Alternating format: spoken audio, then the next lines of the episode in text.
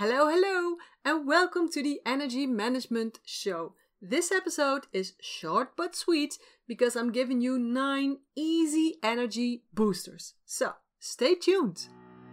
Welcome to the Energy Management Show, where you learn how to apply the science behind energy to transform your life. I'm your host, Janine Hofs, an energy master with 26 years of experience. I'm determined to take the woo woo out of energy building and recharging and give you practical advice to help you make that shift on the inside to transform your life on the outside. Because you deserve it. So join me on this energy journey and transform your life now. How often does this happen to you? You still have a few hours to go, but you already feel sluggish, maybe even crappy, and it takes all your effort to keep a little focus on your work. Most people are familiar with this feeling and they often experience it around 3 or 4 o'clock in the afternoon. That's why a bunch of people grab an energy drink or their second, third, maybe even fifth cup of coffee at that very moment. But for several reasons, that's not such a good idea. And before you know it, you have created yourself a very bad habit. So, next time you feel an energy dip coming up, before you run off to the coffee machine, try one of these nine tips to boost your energy. My first tip is drink a big glass of water. And if you don't like water, then drink a big mug of green tea or herbal tea, but stay away from the drinks with gas and sugar. Our bodies consist of 60 to 70% water, so it's important for both your energy and your productivity that you remain well hydrated. Even a 1% reduction in body fluids as a percentage of your body weight results in a slowing down of your metabolism. That's bad for fat burning, ladies. A 2% reduction in body fluids results in a staggering 20% decrease in productivity. Yes, you heard me right. A 20% decrease in productivity.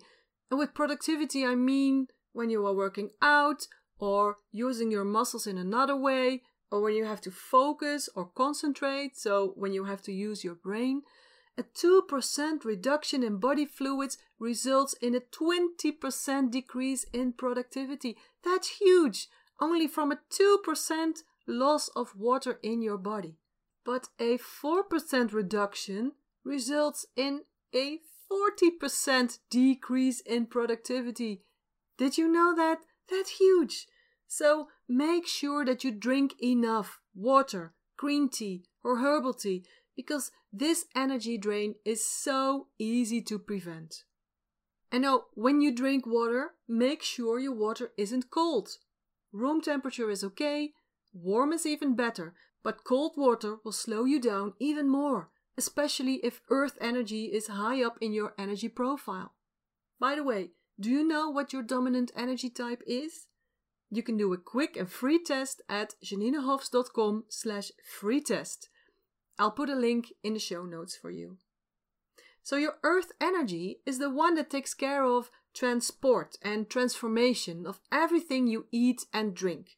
And it transforms it into chi, life energy. And the organ system, stomach and spleen, they play a big role in this. Now your stomach is like a pan of soup, nice and hot, slightly warmer than your body temperature and the food you eat needs to simmer for a while at this temperature until it's soft and ready for the next step in digestion. The fire underneath that pan of soup that keeps everything at the right temperature, that fire is your energy. Imagine what happens if everything in your stomach, your, your pan of soup, is nice and soft and at the right temperature, and you pour down half a liter of cold water. Yep, Everything cools down, and the fire underneath has to burn harder to get everything at the right temperature again. So, drinking cold water, or cold anything for that matter, will cost you your precious energy. So, that's a tip within this tip. Make sure you stay hydrated. Stay away from coffee energy drinks or drinks with sugar and or gas and don't drink cold drinks. Now if you look at the Chinese organ clock and I'll explain this to you in details in another episode, then the period from 3 to 5 p.m. is the time of the bladder energy. And especially when you feel tired during this time, this indicates that you can use some extra fluids and maybe a little salt too. So, a miso soup would be a very good and healthy remedy. Okay, let's go to tip number two that you can use when you feel a little sluggish or tired. And that is get some movement in your body. Sitting still for a longer period of time makes your energy flow less smoothly. And that's what we do when we're working on a PC in a very concentrated way. You sit still and you move nothing but your fingers and maybe your head. Well, that's not enough for a smooth flow of energy. Your energy will get stuck, and as a result of that, you will feel tired. Compare it to a garden hose. If you put a kink in that, the water can't flow through. And with your energy, it works the same. You might have enough energy, but if it doesn't flow properly, you still feel tired, unfocused, and unable to concentrate. So, what's the solution? Move. Go outside for a few minutes or walk around a bit. Take the stairs to go to the restroom on another floor or, for the real daredevils, do some stretching exercises or jumping jacks next to your desk. Who knows? Maybe you can start a whole new hype. But seriously, find a way to get some movement in your body and some oxygen in your brain. And know for sure that you will feel better and that you will perform better. My third tip is already a little woven into the previous one, and that is the importance of oxygen. What applies to water in your body also applies to oxygen. As soon as you don't have enough oxygen in your cells, you become slow, tired, and poorly focused. So, if you feel sluggish, get your butt off that chair and start moving your arms and your legs while you breathe deeply. The breathing will get you more oxygen in your body, and by moving your muscles, especially the big muscles like your, your legs and your arms, then you transform that oxygen into all your cells. Okay, a tip of another kind is my tip number four eat an energy snack. When your blood sugar level is low, then you can also experience an energy dip. But the worst thing you can do at that moment is eating a Snickers or another carbohydrate bomb. Those will give you instant energy, but they will also cause you an even bigger energy dip about about half hour later. And this will make your body crave even more for carbs and sugars. And then you have created yourself a nasty vicious circle. And by falling into this trap, you exhaust your pancreas with the risk of getting diabetes, and you grow yourself those cute muffin tops. You know? No one no muffin tops? Then don't feed your body those carbohydrate bombs when your energy is low. Now, what can you do? As a matter of fact, when you feel tired caused by a low blood sugar level, you're already late. And it's better and healthier to make sure that you don't end up in a hypo at all. But that's also good stuff for a next podcast. What can you do at the moment you have this low blood sugar level?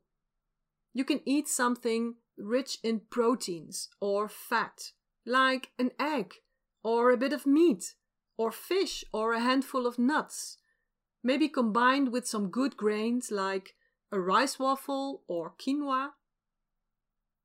My next tip is one of my favorites. Tip number five is massage the area around your eyes. There are many energy channels, meridians, that flow through your eyes or that start or finish in the area around your eyes. So, by stimulating them, you refresh the energy in your eyes. It's very tiring for your eyes to stare at a screen for a long time. And this doesn't just affect your eyes, it also affects your entire energy system. Let me explain. Your eyes are a part of your wood energy, your liver energy to be precise. And by exhausting them, you also disturb your liver energy. Now, why should you care? When your liver energy is blocked, you will feel blocked, stuck. Your creativity will stagnate, your productivity, and you might even feel cranky.